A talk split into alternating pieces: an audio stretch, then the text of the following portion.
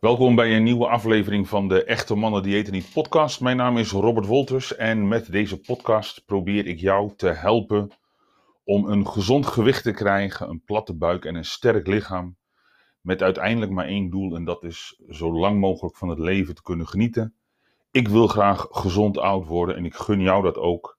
En ehm, mijn inzet is erop gericht om jou zoveel mogelijk te helpen dat doel te bereiken. En dat doe ik door middel van een boek wat ik heb geschreven, door middel van het doen van bloedonderzoek. En jou vertellen wat jouw bloedwaarden vertellen over het verhaal van jouw lichaam. En ik heb een jaarprogramma waarin ik je een jaar lang begeleid om af te vallen, om je leefstijl te transformeren, zodat je het fundament legt voor een lang en gelukkig leven.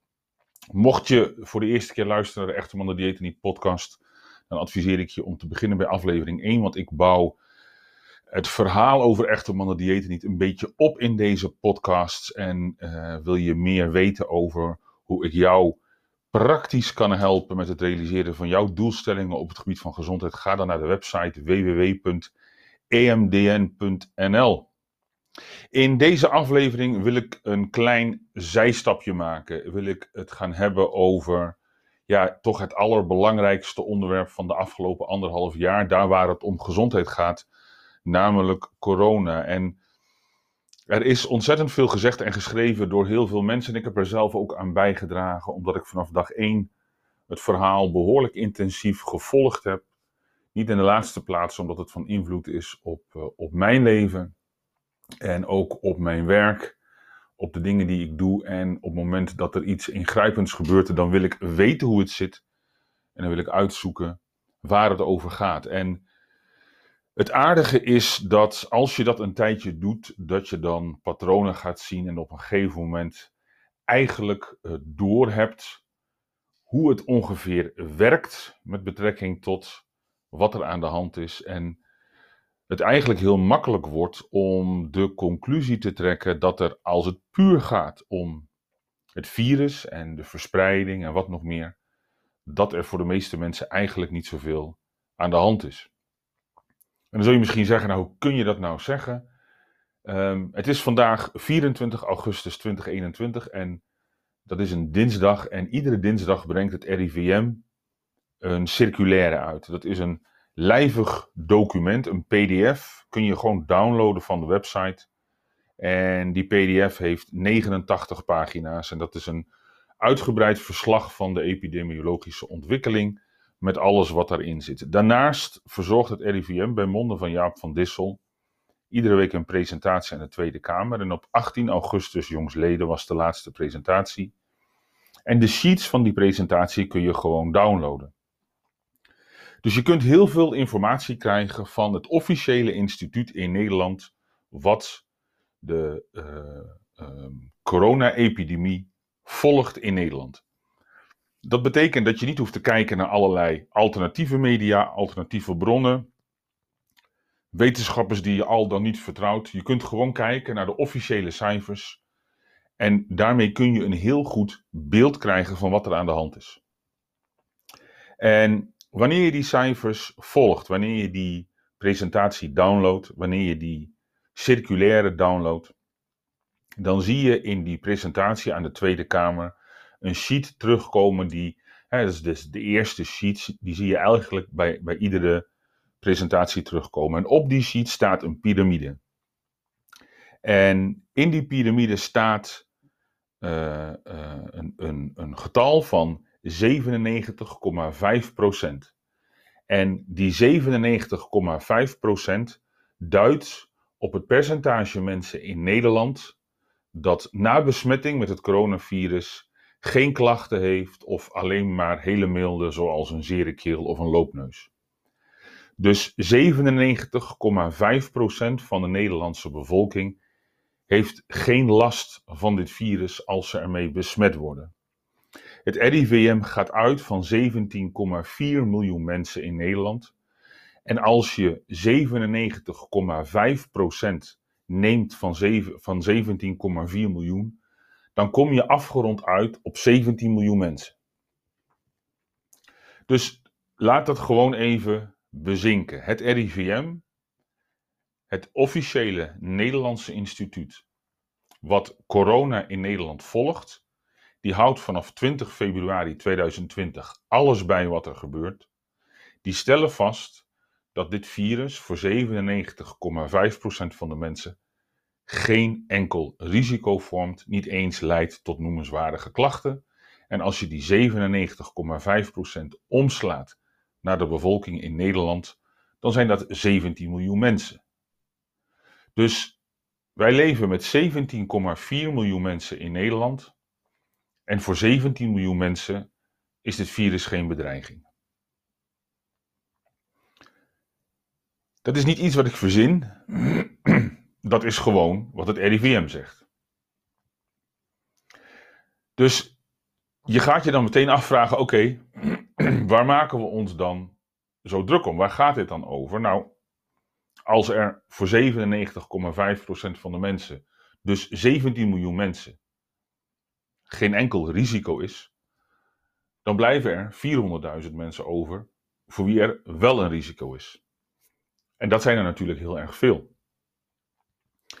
Dus van die 2,5%, wat ongeveer 400.000 mensen zijn, daar afhankelijk van hoe je dat berekent, dat geeft het RIVM zelf aan, heeft tussen de 1 en 1,8% een ziekenhuisbehandeling nodig. Dus hè, in die groep van 400.000 mensen zitten relatief veel mensen, ongeveer de helft gemiddeld genomen, die wel ziek kunnen worden. Die mogelijk in een ziekenhuis moeten worden opgenomen. Het RIVM maakt een onderverdeling tussen mensen die thuis verpleegd worden, mensen die in het ziekenhuis worden opgenomen en mensen die in de, in de IC belanden. Op de IC belanden, moet ik zeggen. Nou, wanneer je het nieuws hebt gevolgd in de afgelopen anderhalf jaar, dan weet je dat steeds de bottleneck lag bij de ziekenhuiscapaciteit. En dat is op basis van deze cijfers niet zo gek.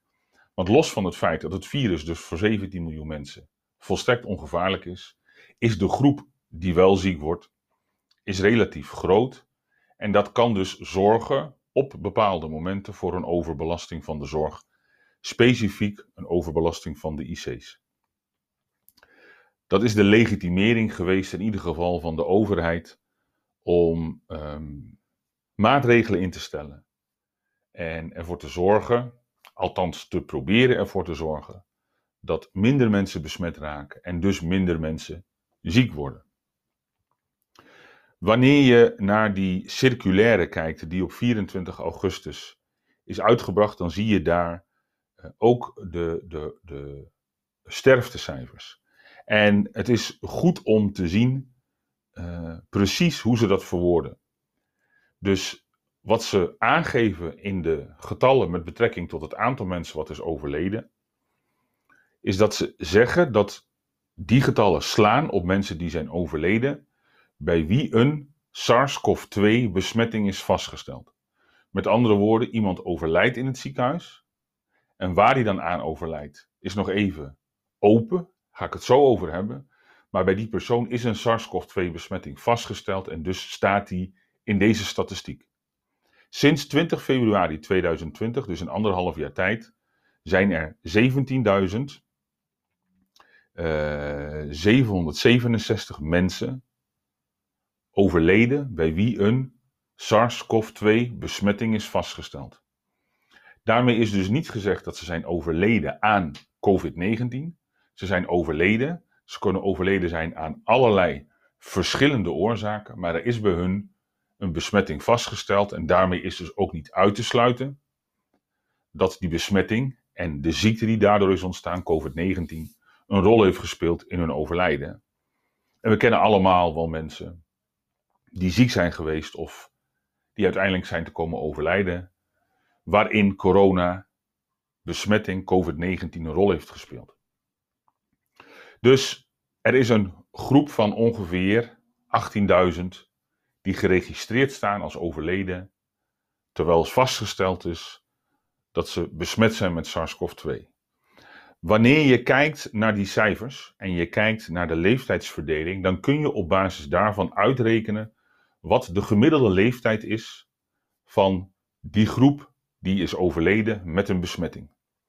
En die gemiddelde leeftijd is 81,6 jaar. Dus het is een hele hoge leeftijd. De gemiddelde levensverwachting voor een man in Nederland is 80,4 jaar. De gemiddelde leeftijd van iemand overleden met een SARS-CoV-2, een coronabesmetting, is 81,6. Dat betekent dat er een enorm zwaar vertegenwoordiging zit van met name ouderen in die groep die is overleden. Dat blijkt ook wel wanneer je die circulaire verder leest en ergens op een van de laatste pagina's is een specificatie gemaakt van het aantal mensen onder de 70 wat is overleden met een positieve besmetting met SARS-CoV-2. Dus in die groep van 18.000 is een specificatie gemaakt van het aantal mensen onder de 70 wat is overleden, terwijl er ook een besmetting met SARS-CoV-2 is vastgesteld. Dus ook daarvoor geldt dat je niet met zekerheid kunt zeggen dat al die mensen zijn overleden aan COVID-19. Zo staat het ook niet in de publicatie van het RIVM. Wat er staat is dat er onder de 70 1973 mensen zijn overleden sinds 20 februari 2020. Dus dat is bijna exact anderhalf jaar tijd. 1927, krap aan 2000 mensen, bij wie vastgesteld is dat ze positief zijn voor SARS-CoV-2. Of je 2000 mensen over anderhalf jaar veel of weinig vindt, dat is denk ik iets persoonlijks. Natuurlijk is het uh, heel lastig en heel moeilijk om te accepteren en te bevatten dat mensen overlijden. En helemaal als je gemiddeld genomen 80 wordt als man of 82 als vrouw, dat mensen dan jonger overlijden. Dus daarmee is eigenlijk ieder sterfgeval, zeker op die jonge leeftijd, één te veel. De realiteit is echter dat we in Nederland een gemiddeld wekelijks sterftecijfer hebben van om en nabij de 3600 mensen. Dus iedere week sterven er 3600 mensen. Dus die getallen staan niet op zichzelf. Die zijn onderdeel van een proces van sterfte en geboorte in Nederland. En uiteindelijk is vastgesteld op basis van de cijfers van het RIVM dat er 1973 mensen zijn overleden onder de 70, bij wie is vastgesteld dat er een SARS-CoV-2 besmetting is. Nou, wat het aardige is van dat cijfer, is dat ze dat hebben uitgesplitst naar mensen overleden met en mensen overleden zonder onderliggende aandoeningen. Dus bij die groep van 1973 mensen, die groep onder de 70, hebben ze gekeken hoeveel van die mensen zijn nou overleden zonder dat we hebben kunnen vaststellen dat er onderliggende aandoeningen zijn. Dus dat zijn ziektes, chronische ziektes, acute ziektes, uh, aandoeningen die van invloed zijn op het verloop van het ziekteproces en van invloed zijn op het verloop van COVID-19. En het aantal mensen onder de 70 wat is overleden in anderhalf jaar tijd zonder onderliggende aandoeningen is 204. Dus er zijn 204 mensen overleden die geen onderliggende aandoening hadden, bij wie een positieve uh, besmetting, een positieve uh, test is afgenomen, waarbij is vastgesteld dat ze SARS-CoV-2 hadden. Dus ik noemde net al dat dat virus voor 17 miljoen mensen geen bedreiging is. En wat we nu ook weten, gewoon op basis van de circulaire van het RIVM, dat er in anderhalf jaar tijd 204 mensen zijn overleden met een positieve besmetting die geen onderliggende aandoening hadden. Dat betekent dat alle andere mensen die zijn overleden, dus alle andere mensen in dat getal van 18.000 wat geregistreerd staat, al die andere mensen hadden of één of meerdere onderliggende aandoeningen of een hoge leeftijd. En dat is waar het interessant wordt, want als je dan gaat kijken naar wat de drie belangrijkste, meest genoemde onderliggende aandoeningen zijn, dan zijn dat hart- en vaatziekten en in het bijzonder hoge bloeddruk. Dat is één, dat is de grootste groep. Diabetes, dat is nummer twee. En chronische longaandoeningen, nummer drie. En om met die laatste te beginnen, um, SARS-CoV-2, dat virus, dat, heet, uh, hè, dat is vernoemd naar het eerste SARS-virus. Dat staat uh, voor Severe Acute Respiratory Syndrome.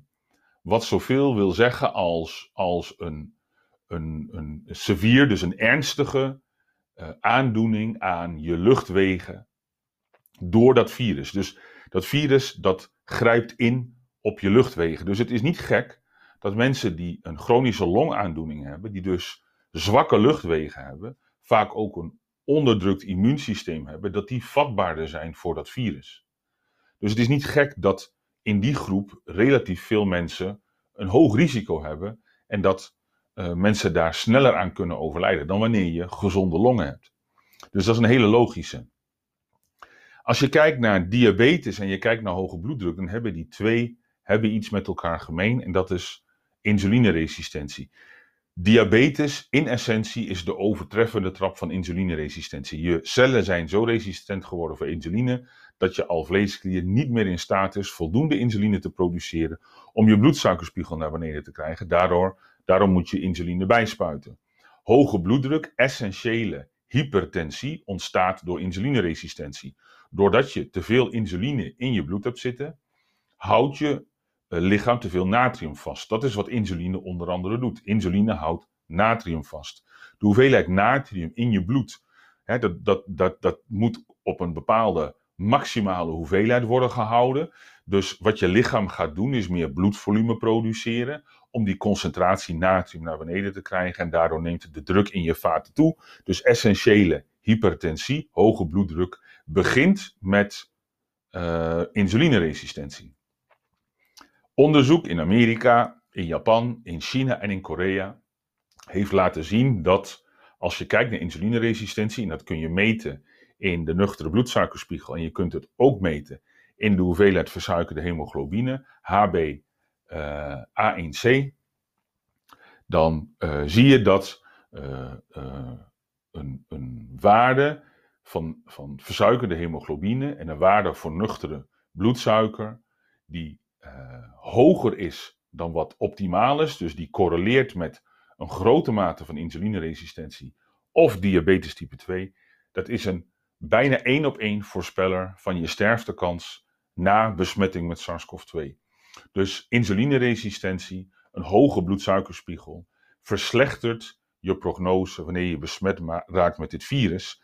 En ja, dat, dat blijkt dus ook uit de Nederlandse cijfers, want bij die mensen onder de 70 ja, daar zijn vooral mensen overleden die hart- en vaatziekten hebben, hoge bloeddruk hebben, diabetes hebben en chronische longaandoeningen hebben.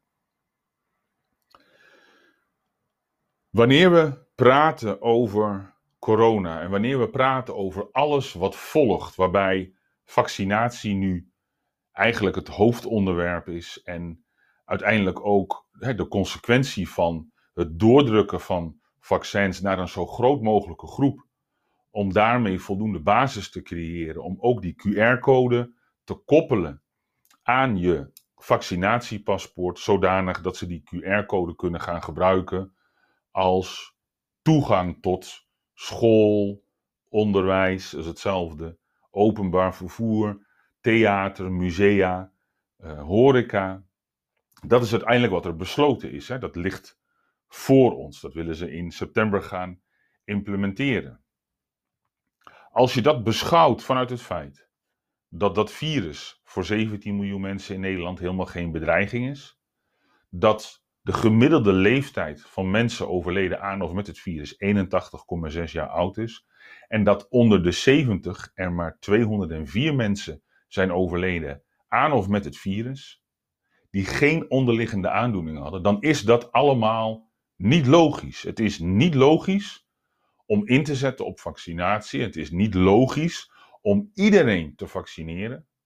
Helemaal niet wanneer je weet dat die vaccins gebaseerd zijn op de allereerste variant, de Wuhan-variant van het virus. Het, het, de genetische sequentie van dat virus is gebruikt voor die mRNA-vaccins. Dat is de alpha-variant. De dominante variant nu is Delta. En we hebben gamma en we hebben lambda. Die zijn al, al, al geïdentificeerd. En we weten bijvoorbeeld op basis van de cijfers in Israël, en die staan ook in die circulaire van het RIVM, er staan gewoon het aantal besmettingen per land genoemd. Daar zie je dat Israël omhoog schiet. En Israël is een van de meest gevaccineerde landen. En die zijn in januari van dit jaar al begonnen. En dat komt omdat die vaccins niet beschermen tegen besmetting met die nieuwe varianten van het virus. Dus je loopt wanneer je oud bent en wanneer je onderliggende aandoeningen hebt, door vaccinatie minder kans om ziek te worden en minder kans op overlijden. Dus dat weten we inmiddels uit, uit de cijfers die we nu hebben. We weten dat als je oudere mensen en mensen met een zwakke gezondheid vaccineert, dat de risico's van dat vaccin kleiner zijn dan het risico van het virus. Dat is die groep van 400.000 mensen.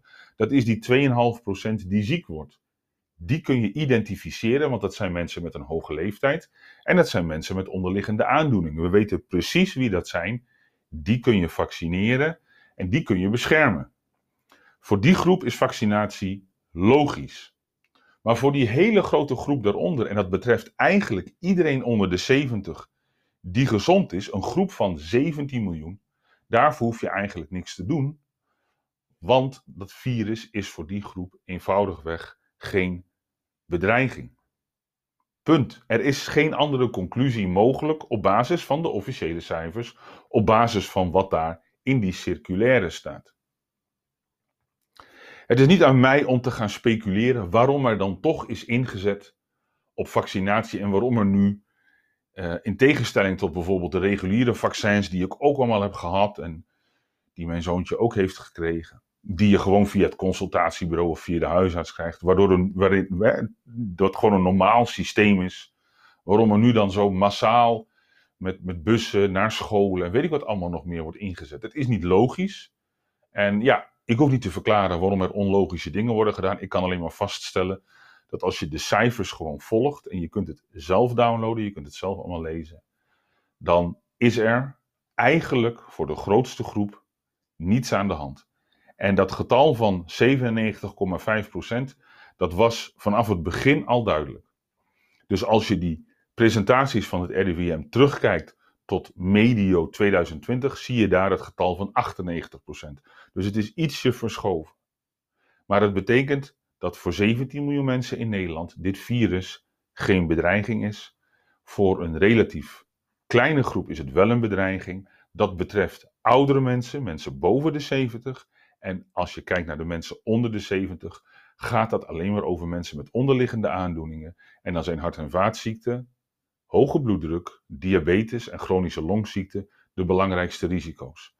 Als je die groep beschermt met goed werkende vaccins, of je helpt ze van een hoge bloeddruk af, je helpt ze van hun diabetes af, wat vaak gepaard gaat met overgewicht, dan ben je volgens mij zinvol bezig om te proberen risico's te beperken. Wat niet logisch is, is de hele bevolking vaccineren. Helemaal niet nu we weten op basis van onderzoek in Engeland, van de Oxford Universiteit, op basis van de cijfers in Israël, dat die vaccins niet beschermen tegen besmetting. En dat de virale lading bij mensen die gevaccineerd zijn met Delta net zo groot is als bij mensen die niet gevaccineerd zijn. En dit is niet een mening, los van het feit dat ik er wel een mening over heb, maar dit is gewoon logisch te volgen uit de cijfers.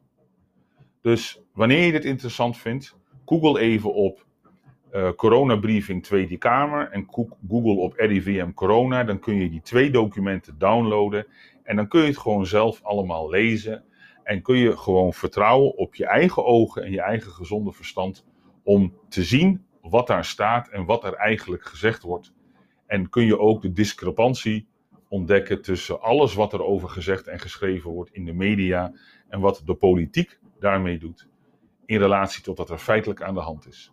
Wat er feitelijk aan de hand is, is dat er een virus rondwaart, wat voor 17 miljoen mensen ongevaarlijk is en voor gezonde mensen onder de 70 geen bedreiging is voor hun gezondheid.